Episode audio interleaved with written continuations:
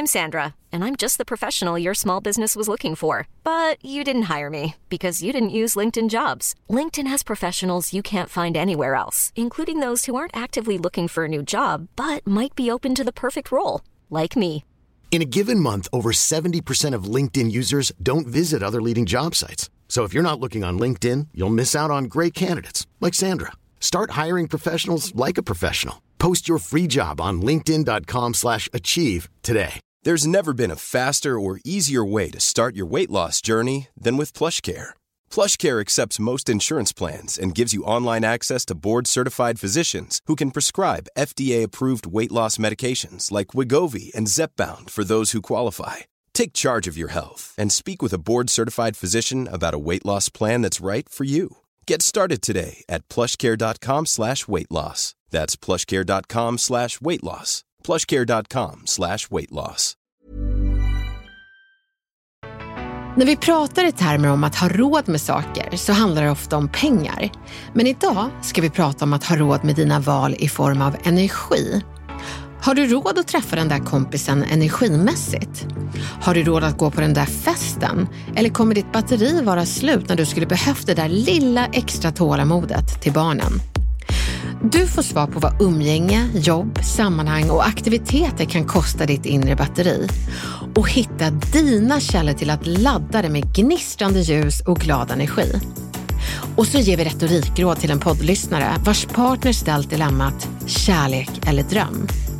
Har du någonsin blivit ställd mot väggen med svåra dilemman kommer du ha stor glädje av tipsen du får i dagens avsnitt. Välkommen säger jag, Elaine Eksvärd och producent Camilla Samek. Det här är Snacka snyggt. Jag tycker det är spännande för det är ganska sällan man funderar på om man har råd med den energin man gör av med. Jag tycker att det är liksom, man kör bara på och så tänker man att nej men det får man väl orka eller det får man ju ställa upp på eller nej men man kör på liksom.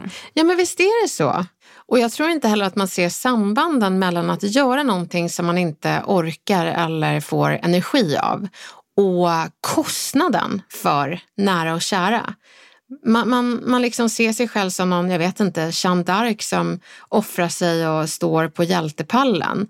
Men jag menar, när jag kanske har tackat ja till någonting som är energitömmande som att gå på ett eh, kallpratsmingel då känner man inte sig direkt som en hjälte när man står där i halvstressen med barnen och har inte det där lilla extra som det kräver som mamma. Så jag tror att man behöver se orsak, verkan och inte bara det. Energiuttömning och kostnad, inte bara för mig utan för dem jag älskar. Och berätta, vad, vad kommer retoriken in i det här? Jo, det finns ju saker som man kan säga för att eh, liksom ha som en eh, mental stoppskylt åt folk. Att eh, hit men inte längre. Och målet är ju att kunna sätta gränser och värna sitt eget batteri utan att få folk att känna sig avvisade, mindre värda eller som energivampyrer. Så vill vi ju inte göra.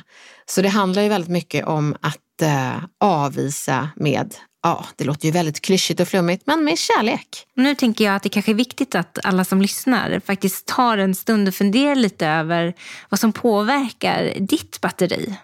Vad gör att du känner att nej men här går det väldigt mycket energi? Och vad skulle du vilja göra åt det?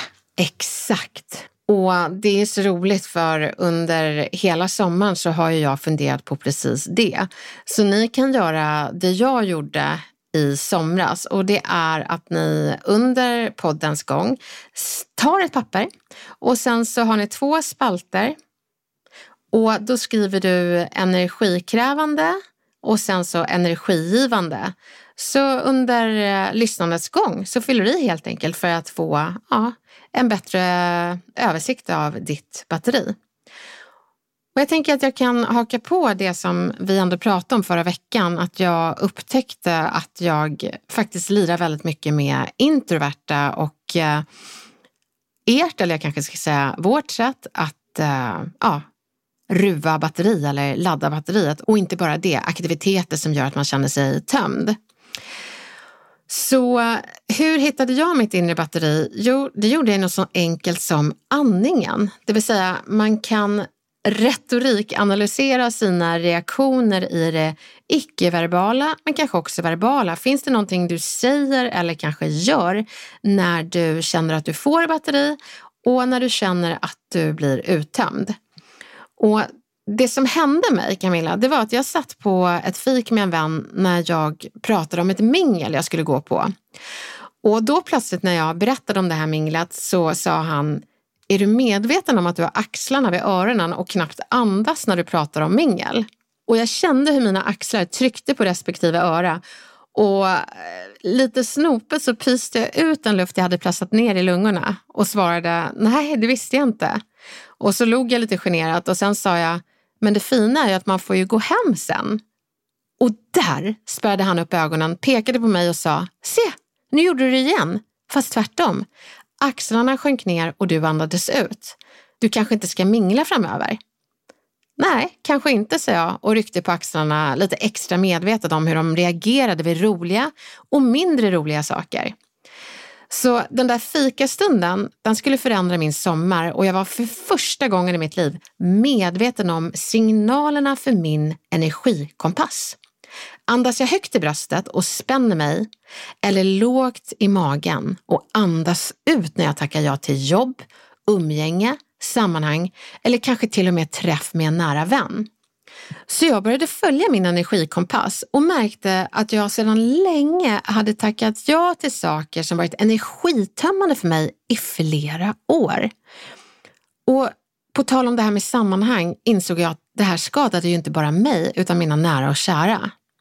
Som när jag tackade ja till den där sittande middagen då man ska ha en bordsherre bredvid sig som man inte känner. Det är ju jättespännande för vissa, men helvetet på jorden för någon som inte kan kallprata. Elaine? Så där sitter man och låter batteriet gå till noll. Och det där extra tålamodet som jag hade behövt vid middagen när jag lagar mat åt barnen och de är hungriga, det fanns inte. Så barnen får ju betala med en ganska otrevlig mamma bara för att hon tackade ja till någonting energitömmande. Så att hitta energitjuvarna i ditt liv, men också det inre batteriet, det är så viktigt. Och för att komma dit är det några steg som vi ska gå igenom.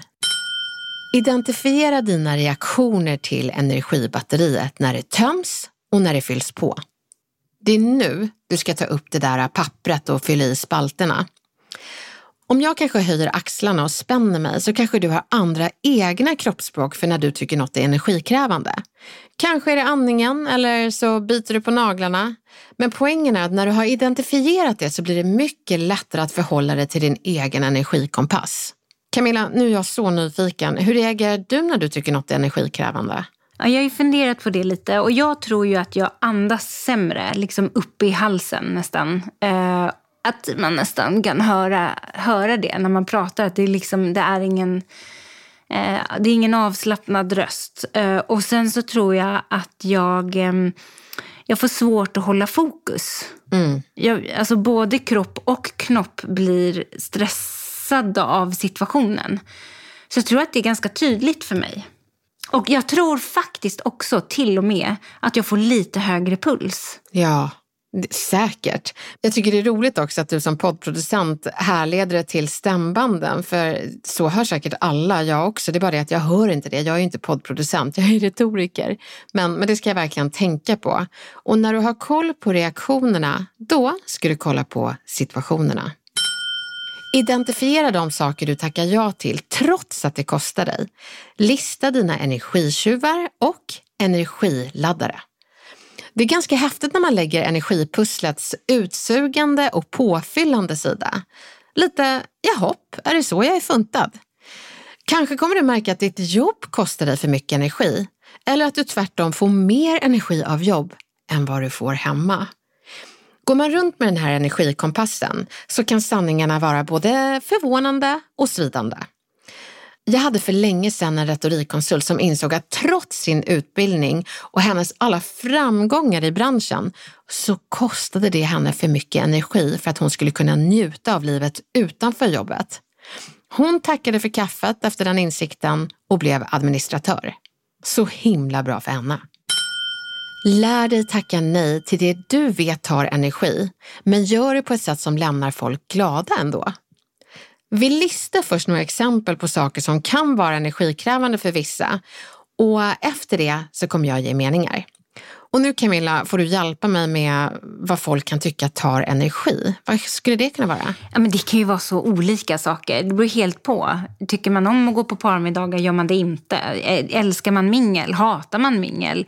Eh, tycker man om att gå på after work? Eller blir det mest en, en energitjuv? Det är så svårt att veta. Ja, och jag tänker du och jag gör ju inte anspråk på sanningen här utan vid sidan om att du och jag listar så får man göra sin egen lista. Det är ju tanken.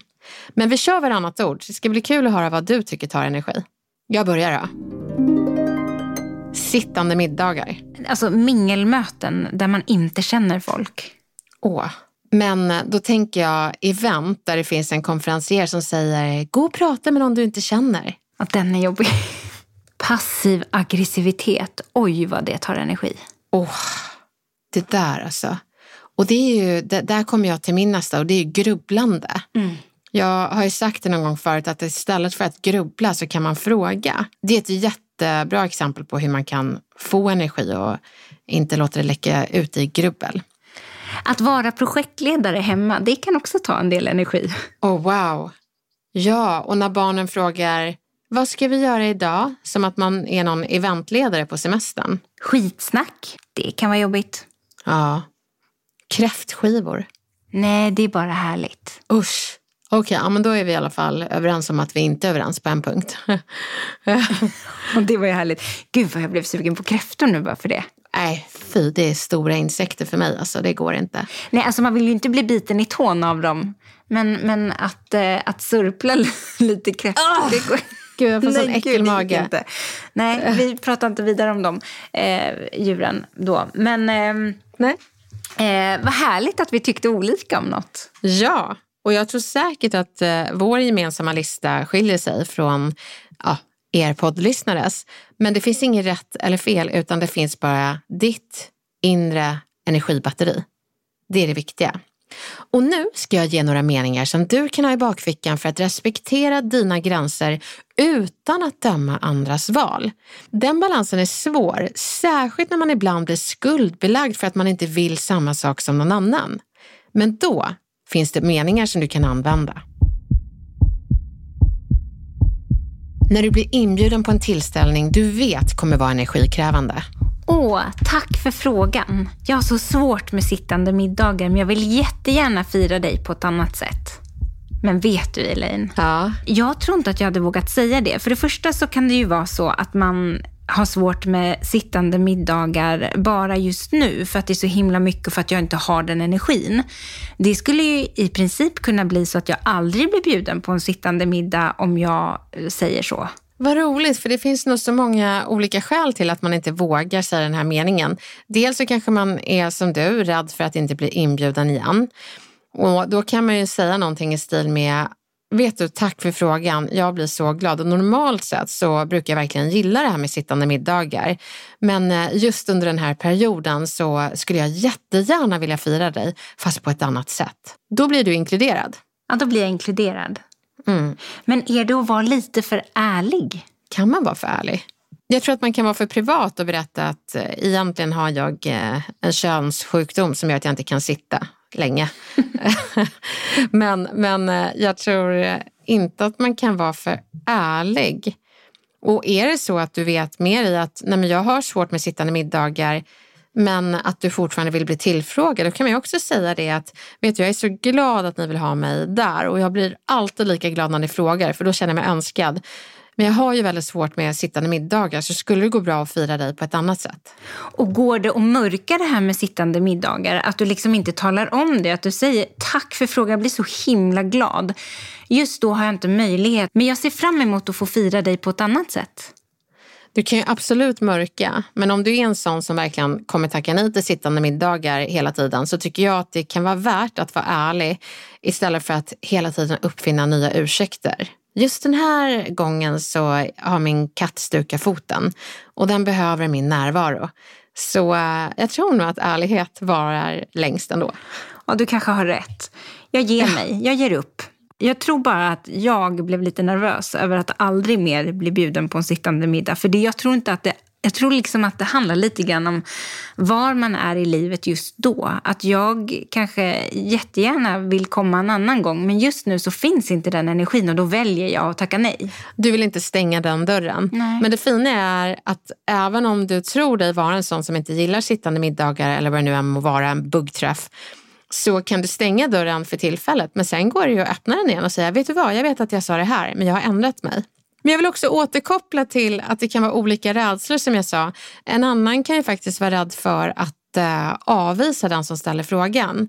Och att man då tackar ja för att den här personen ska känna sig sedd och värdefull.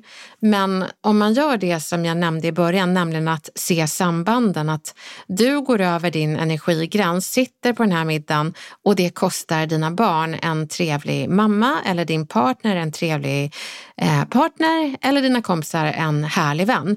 Då blir det liksom världen som bjuder in dig mot nära och kära. Och då tycker jag att nära och kära vinner. Men eh, du avvisar inte världen. Du tackar för frågan, berättar dina svagheter och sen så föreslår du ett annat sätt att fira personen. Så då kommer du runt det. Ja, men det är jättebra, det är klockrent. Absolut. Mening till ett event där du vill komma men inte vill komma på en viss del av eventet. Åh, jag kommer nog inte kunna komma precis under meet and greet, men lagom till dansen. Ja. Här, här tycker jag som du Camilla, att man kanske inte behöver säga meet and greet är inte min grej. Utan man bara dyker upp lagom till dansen. Och därför känns den här så himla lätt att säga. Ja. Men vet du Camilla, nu måste jag avslöja någonting. Nej, vad? Jag dansar ju afrobeat och jag är också en eh, tidsoptimist. Och kanske lite sådär äh, tidskalkylist. Det vill säga så att jag vet ju på mina danslektioner så är det så här uppvärmning och stretching som jag tycker är jättetråkigt. Men så kom jag i tid förra gången och då säger min danslärare som är underbar att ja hörni, jag har någonting under mina danslektioner som heter meet and greet. Och då tänkte jag, fan. så äh, jag gick runt och hälsade och med, på jättetrevliga människor. Det har ingenting med dem att göra utan bara mitt energibatteri. Och uh, nu framöver så kommer jag komma sent. Då har du meddelat det via podden. Det är ju praktiskt och bra. Är väldigt praktiskt och bra. Förlåt, det är inte meet and greet, det är jag. Vi tar en mening till. Mm. När en kompis vill att du ska komma och fika med en annan kompis som du inte lirar med, en energitjuv, Åh, den är svår. den är svår. Här kommer meningen. Jag är så glad att ni har en fin relation. Vi två har inte hittat varandra än, men hälsa så gott från mig när ni ses.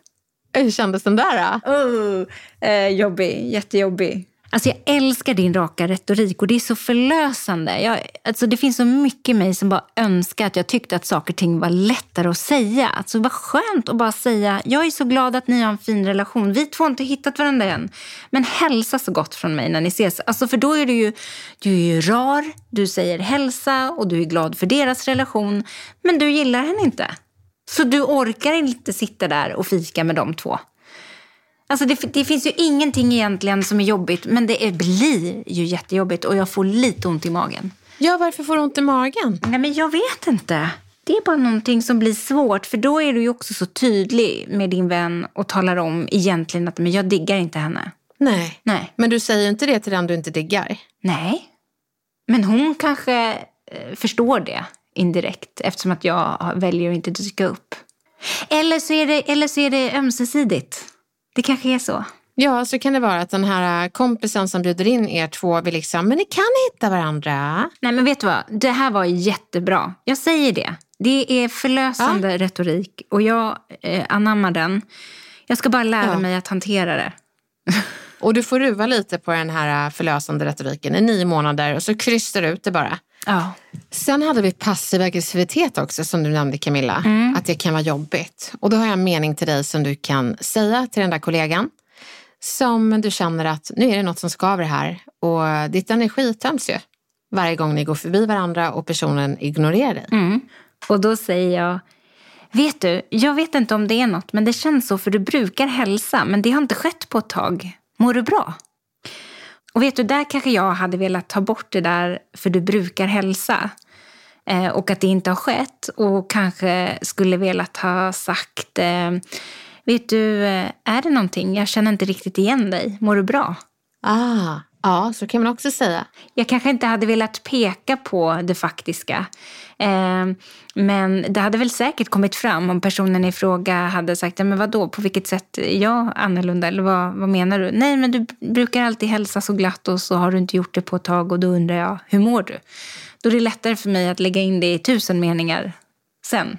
Ja, men jättebra. Om man har energi och ge tusen meningar. för, för vissa har ju det. Jag eh, har inte det, utan jag vill att det ska gå snabbt och rappt och komma till kärnan direkt. Men det, det ska också sägas att för dig kan det vara energitömmande att göra det snabbt och rappt, att du blir, blir helt slut. Och där tycker jag att vi märker att vi har två olika förhållningssätt till våra energibatteri. Det vill säga, för dig tar det för mycket. Du skruvar på dig och liksom oj, oj, oj, när du behöver vara rakt på sak. Då ska inte du prata så, utan då ska du värna ditt energibatteri. Det är helt sant. Det är, där är vi olika och jag tror också att när jag blir så här Ah, att det, det, känns jobbigt och tufft att formulera den typen av mening så, så tar det väldigt mycket energi av mig. Och, det, och där är det ju tvärtom för dig. Ja men precis, så alla är ju olika och har olika sätt att hantera det på och vi har olika energitjuvar.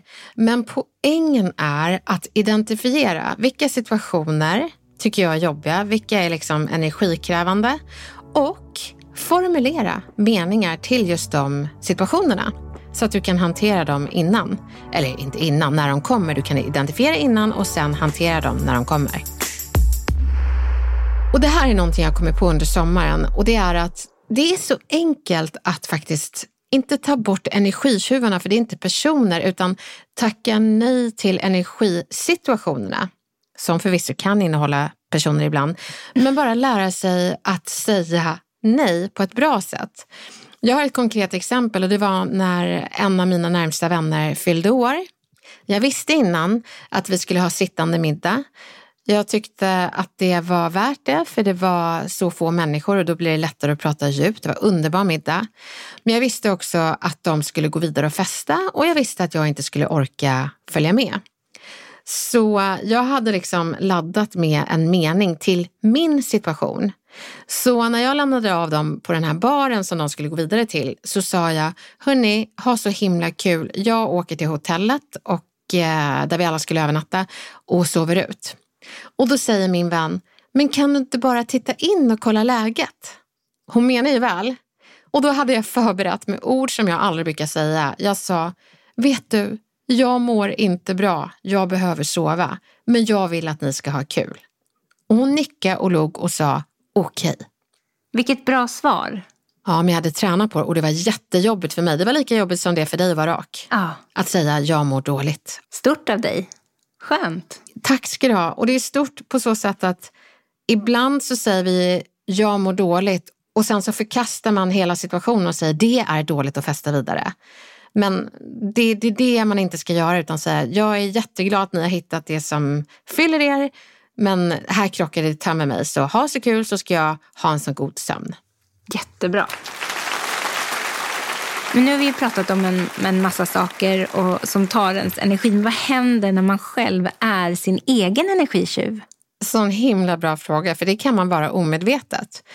Och jag som till exempel tycker det är jättejobbigt att kallprata har en otroligt korkad hälsningsfras som är Hur är läget?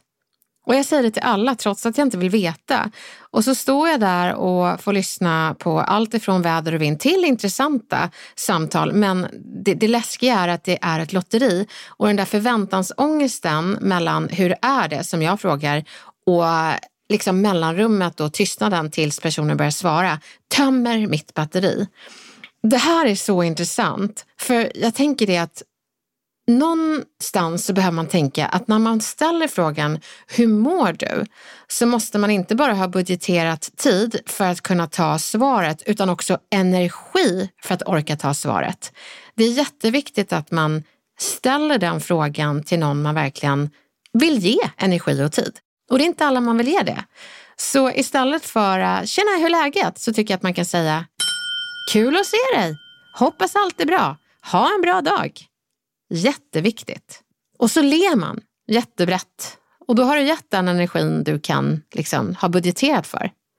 Men jag tycker också det är viktigt att vända på det, att man själv kan kidnappa andras eh, energi och tömma ut. Och det är att man inte riktigt har känsla för hur mycket folk orkar lyssna. Så när folk säger hur är läget så kanske man inte ska säga nu när du frågar, det, jag har tänkt på döden och eh, ja, du med. Nej, och det där är svårt, för det är ju verkligen så att ibland så får man ju hela harangen. Mm. Eh, och det har man ju oftast inte förväntat sig. Så egentligen är den där hur är läget en rätt dum fråga att ställa. Mm. Om man verkligen inte vill veta. Så att ja, det här var ju jättebra. Men det finns också ett sätt att stoppa folk när de har hela den där harangen. Och det är att säga, vet du det där låter jättejobbigt men det du berättar förtjänar mer tid än jag har nu. Jag måste iväg, men gud, hoppas verkligen att det ordnar sig. Det är också bra. Vad bra att du tyckte det, för jag känner mig jättekall. Jag är sån som kan liksom stanna kvar och vara hobbypsykolog. Det gör ju jag med. Det här verktyget som du gav nu var ju väldigt eh, snällt och omtänksamt. Du har inte tiden att stå och lyssna nu och det är den personen värd. Så att det är ju en jättebra sak att säga. Ja men precis, så lägg det på minnet. Det här förtjänar mer tid än jag har. Jag, tyvärr, jag måste springa iväg, men hoppas att det ordnar sig. Upprepa den meningen och så ruvar du på energin till då det verkligen behövs. Nu hoppas jag verkligen att ni har hittat sätt att både identifiera reaktionerna till energifylld och energitömd, Sätt sambanden mellan att betala priset av ett tömt batteri och konsekvenserna för nära och kära. Hittat situationerna där ditt energi töms och skapat formuleringar som får agera som en mental stoppskylt för personen så att du kan värna ditt batteri och ha det där extra tålamodet och den där extra energin när du verkligen behöver det. Det är du värd.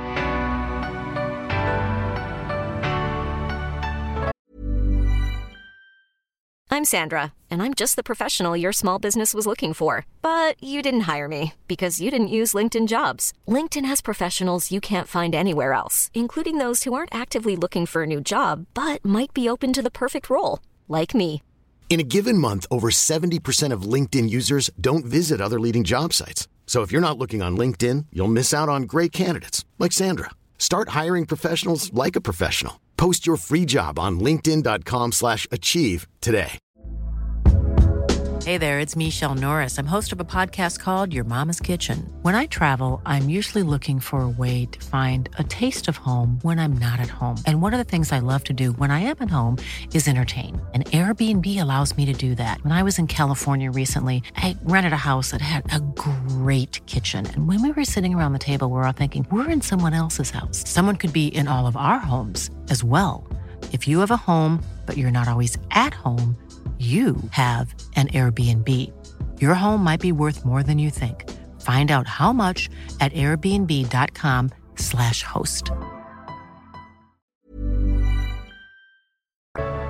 Hörrni, jag ville verkligen ge er de här verktygen för att jag själv under sommaren hittade mitt inre energibatteri och tog hänsyn till det och var försiktig om det gjorde att mina relationer blev så mycket bättre. För nu, precis som jag lägger en budget för ekonomin i hemmet, så har jag börjat lägga en energibudget. Och då blir det inte så att man helt plötsligt eh, tappar energi vid ett tillfälle, utan man blir faktiskt förvånad över, gud vad mycket tålamod jag har med barnen helt plötsligt. Men då inser jag orsak verkan. Det är ju tack vare att jag tackade nej till det där som jag kan vara en bättre mamma hemma. Så när du ser sambanden och börjar ta hand om ditt energibatteri så kommer livet bli mycket bättre. Jag hoppas verkligen att ni kommer ha lika stor glädje av den här upptäckten av det inre energibatteriet som jag har. Stort lycka till!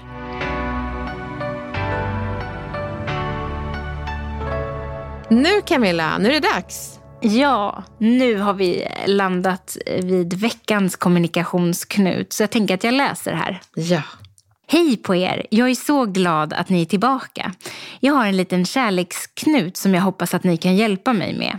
Efter några års jobb så har jag nu äntligen kommit in på en utbildning som jag är så glad att jag har kommit in på.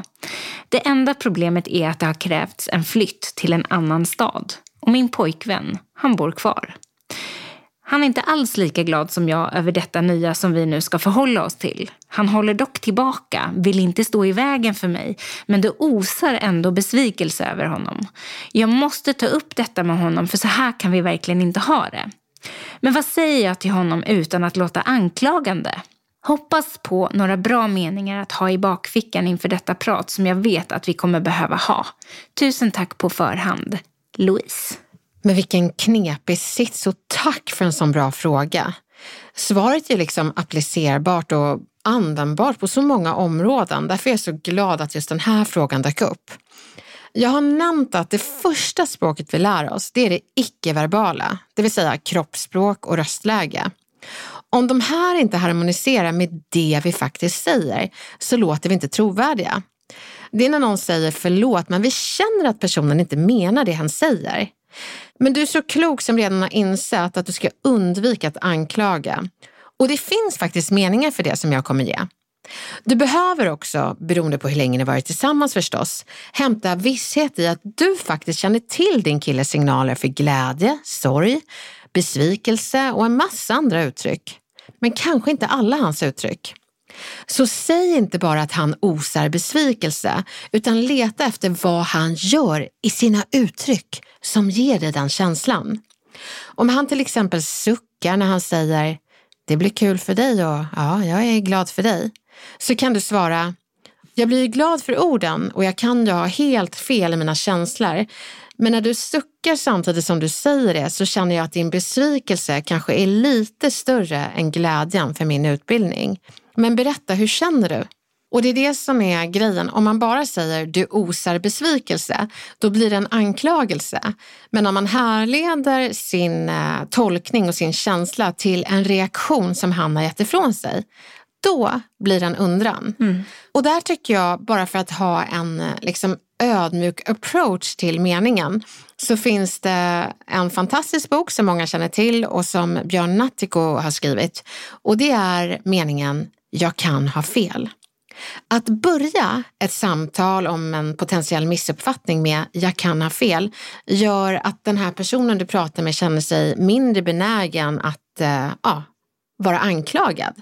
Så bara börja med det är väldigt bra. Så jag kan ha fel och sen berättar du vad du har noterat, till exempel sucken. Och sen berättar du hur den kändes. Och allra sist så avslutar du med att öppna upp frågan om hur han känner. Och vet du vad jag tänker här? Att det kanske är skönt för honom att få frågan hur han känner. För de kanske inte har haft tid att prata om det. Det kanske har bara varit så alltså, att självklart att han ska vara glad för hennes skull. Ja men precis.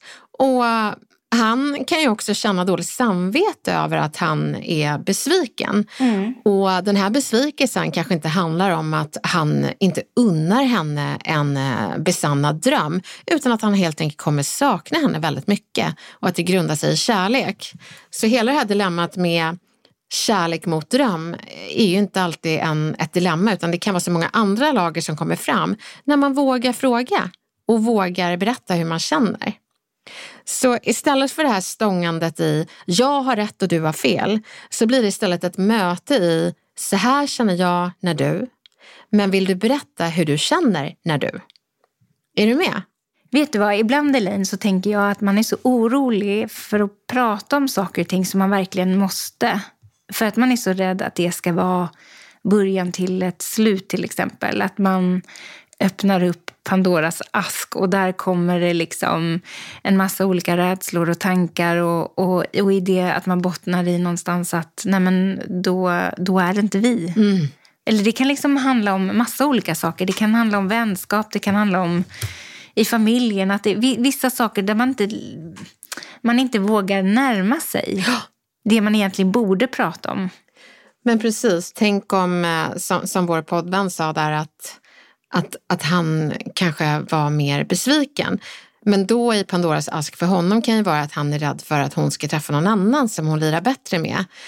Och då tänker jag det att istället för att uttrycka rädsla som kan mynna ut i eh, att man börjar agera svartsjukt och kontrollerande så kan man liksom ta en annan väg. Man kan berätta att jag är så rädd att vi ska förlora varandra, att du kanske ska träffa någon annan.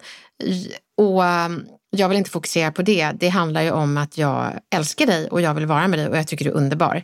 Så att, så att det inte handlar om att jag är rädd att du ska vara otrogen, utan att det handlar om att jag är rädd att förlora dig för att du är värdefull.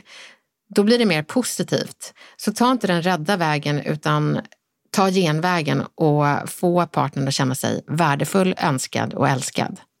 Och när det gäller familjen så kan det vara situationer som, som kanske känns ohållbara. Man är rädd för att om vi inte löser det här så kanske inte vi kommer kunna umgås. Men att man inte stannar i rädslan utan då hoppar över till, för jag vill ju verkligen umgås med dig, för du är med min familj och jag älskar dig. Så sätt inte punkt efter rädslan utan lägg till önskan och också, du är värd mycket, jag vill hänga med dig. Men tillbaka till dig kära poddvän och din eh, partner så är det ju väldigt bra att du bara ärligt berättar hur det känns och nyfiket frågar hur han menar. Och tänk också nu att den här eh, besvikelsen han känner behöver inte handla om att han inte unnar dig dina drömmar, utan att han faktiskt kommer sakna dig jättemycket. Det kan grunda sig i kärlek, men han uttrycker det kanske lite klumpigt. Jag hoppas verkligen att dina drömmar och er kärlek kan infrias på något bra sätt. Men framför allt så hoppas jag som retoriker att ni två kan mötas och snacka snyggt tillsammans. Lycka till! Vi har fått en jättebra fråga gällande vett och retorikett här. Oh. Eh, och det handlar om vår käraste ägodel, mobiltelefonen. Oj, oj, oj. Och det här med att ursäkta sig från saker och ting när mobilen ringer i ett olämpligt läge. Som under ett möte till exempel, när man ser att det är läkaren som ringer eller det är något av barnen som ringer och man bara måste svara. Hur gör man det snyggt? Är det någon skillnad på om det är ett fysiskt och digitalt möte i det här fallet? Ja, Jättebra fråga. Jag tycker att vi börjar med fysiskt eller digitalt. Vi har ju pratat eh, om digitala möten. Jag tror att vi har ägnat ett helt avsnitt om det. Och den största missen vi gör i de digitala mötena det är att vi tror att Nej, men det här är digitalt så jag behöver inte bete mig som jag gör IRL. Men det är helt fel. Det är samma regler där som det är IRL. Med den lilla skillnaden att för att ge känsla av ögonkontakt så ska man titta in i kameran. Men det ska vi inte gå in på nu, utan nu går vi in på mobiler på möten. Och jag tycker generellt sett att det är ganska otrevligt att ha synliga mobiler på möten. Och de här notismonstermötena där de ligger på bordet, piper och lyser för att signalera min ägare är viktigare än dig. Men sen Camilla så finns det såklart brasklappar för vett och retorikett i möten och det är att man förekommer mötet med att man måste hålla ett öga på mobilen för ett barn eller en viktig situation kanske kan uppstå. Att förekomma ett samtal och be om ursäkt innan, det är så mycket trevligare än att plötsligt plocka upp mobilen och bara lämna mötet utan förklaring. Men om vi säger att du ser att det är skolan som ringer då och du sitter i ett möte. Jag tror att, eh, hur, hur gör man det snyggt? Nej men det är mycket enkelt. Mötet går före barnet i alla lägen. jag skojar. Absolut inte. Utan så här. Jag förstår din fråga Camilla och det är klart att du inte ska sitta där och byta ihop för att jag måste lyda vett och retorikett. Nej, nej. Om man har missat att förvarna om att telefonen kanske kan ringa så är ett genuint förlåt på plats innan en avvikelse från mötet. Det är ju en väldigt fin gest. Och sen när man har tagit samtalet och kommit tillbaka till mötet så liksom kidnappar man inte mötet genom att förklara åh det var mitt barn som ringde utan man låter mötet ta sin gång. Sen ber man om ursäkt till alla och säger sorry det var mitt eh, barn som ringde från skolan, jag var tvungen att ta det. Så viktigt här är alltså att man kidnappar inte mötet med en massa ursäkter om varför man var tvungen att springa iväg. Utan man väntar ut mötet och så, så tar man det när det är lämpligt. Exakt. Så att förekomma är förståeligt, men att plötsligt svara och lämna mötet, det är förkastligt. I alla fall i vett och retorikett-bibeln. Men inte helt förkastligt om man lägger till ett förlåt. Vad fan säger man? Ja, vad fan säger man? Drar du en lapp, Elaine? Det gör jag. Och jag läser. Hej Snacka snyggt-podden. Jag har en svärmor som gör att jag avskyr högtider för allt vi gör är det hon vill för så gör man. Eller så har vi alltid gjort. Nu vill jag rusta mig inför hösten så jag kan ta tillbaka våra födelsedagar och andra högtider. Så vad fan säger man när någon lägger locket på med orden så gör man eller så har vi alltid gjort? Mm, knepigt. Verkligen. Och jag måste säga det att jag förstår ju verkligen svärmors eh, liksom, önskan och eh, stress kring traditioner. För det finns ju en viktig tradition, det är ju de här samlingspunkterna då, då släkten och familjen ses och då man kan umgås i den här stressiga vardagen. Men det jag inte förstår, det är när man vänder på det och någon släkting istället ser traditioner som en mötesplats för att istället tillsammans upprätthålla traditionerna istället för att umgås. Och då blir det lite som att svärmor är arbetsledare och gör du inte ditt jobb så saknar du arbetsmoral i traditionernas kyrka. Åh, men alltså är du inte lite hård mot svärmor nu? Jo, det kanske är. Traditioner är, är ju någonstans, har ju funnits länge om de är traditioner så att säga. Ja. Så det här är väl någonting de har hållit på med långt innan svärdotter kom in i bilden. Precis, men det de gjorde långt innan det var ju att de sa inte så gör man eller så har vi alltid gjort. Så det är någonting som har tappats här och det är ju meningen och syftet med traditionen. Om man vill övertyga någon så behöver man liksom berätta lite grann kring meningen och det är kanske det svärmor skulle behöva göra. Det kan ju vara så att svärmor bara vill återuppleva de fina minnena som hon hade med familjemedlemmar som faktiskt kanske inte längre finns kvar. Eller hur? Det kan ju vara i de här traditionerna som hon får komma nära dem på riktigt. Det kanske är så, avsaknaden av någon slags förklaring till varför hon tycker traditionerna är så himla viktiga. Och då skulle vår poddkompis bemöta det här på andra sätt. Men eh, om vi tar det från svärmors perspektiv, om hon försöker upprätthålla en tradition för att ja, komma närmare folk som inte finns kvar, nära och kära.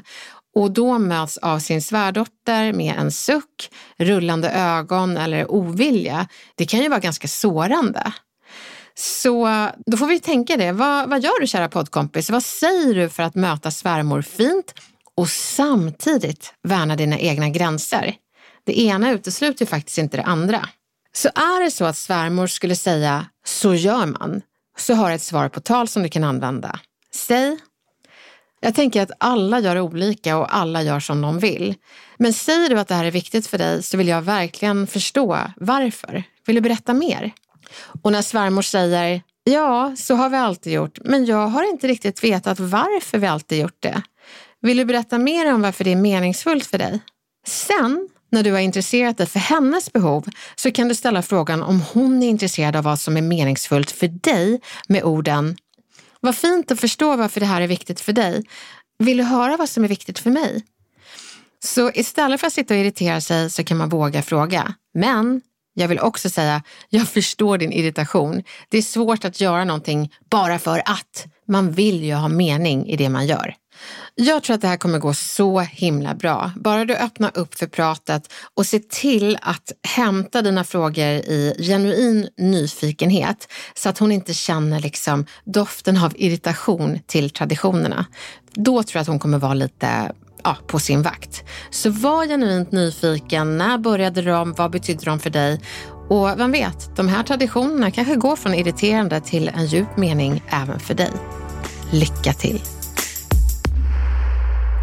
Jag hoppas att du känner dig riktigt taggad för att hitta din inre energikompass för vad som tar och ger energi. Kolla av dina reaktioner, skriv ner när det känns bra och mindre bra. Se sambanden och vilka som utöver dig betalar för din energibrist.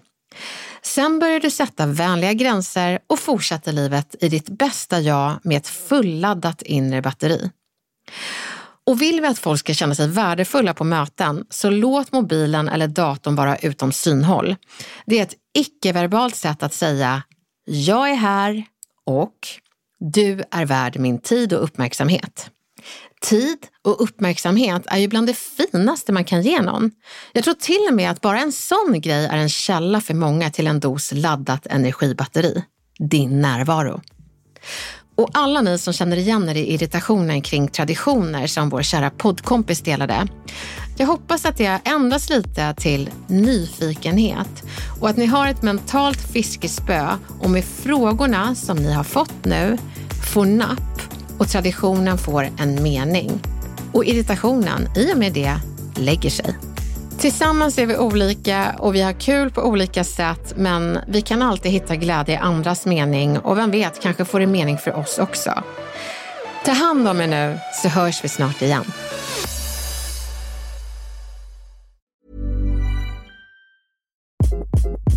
Hi, this is Craig Robinson from Ways to Win and support for this podcast comes from Invesco QQQ. Invesco QQQ is proud to sponsor this episode and even prouder to provide access to innovation for the last 25 years. Basketball has had innovations over the years too. We're seeing the game played in new ways every day.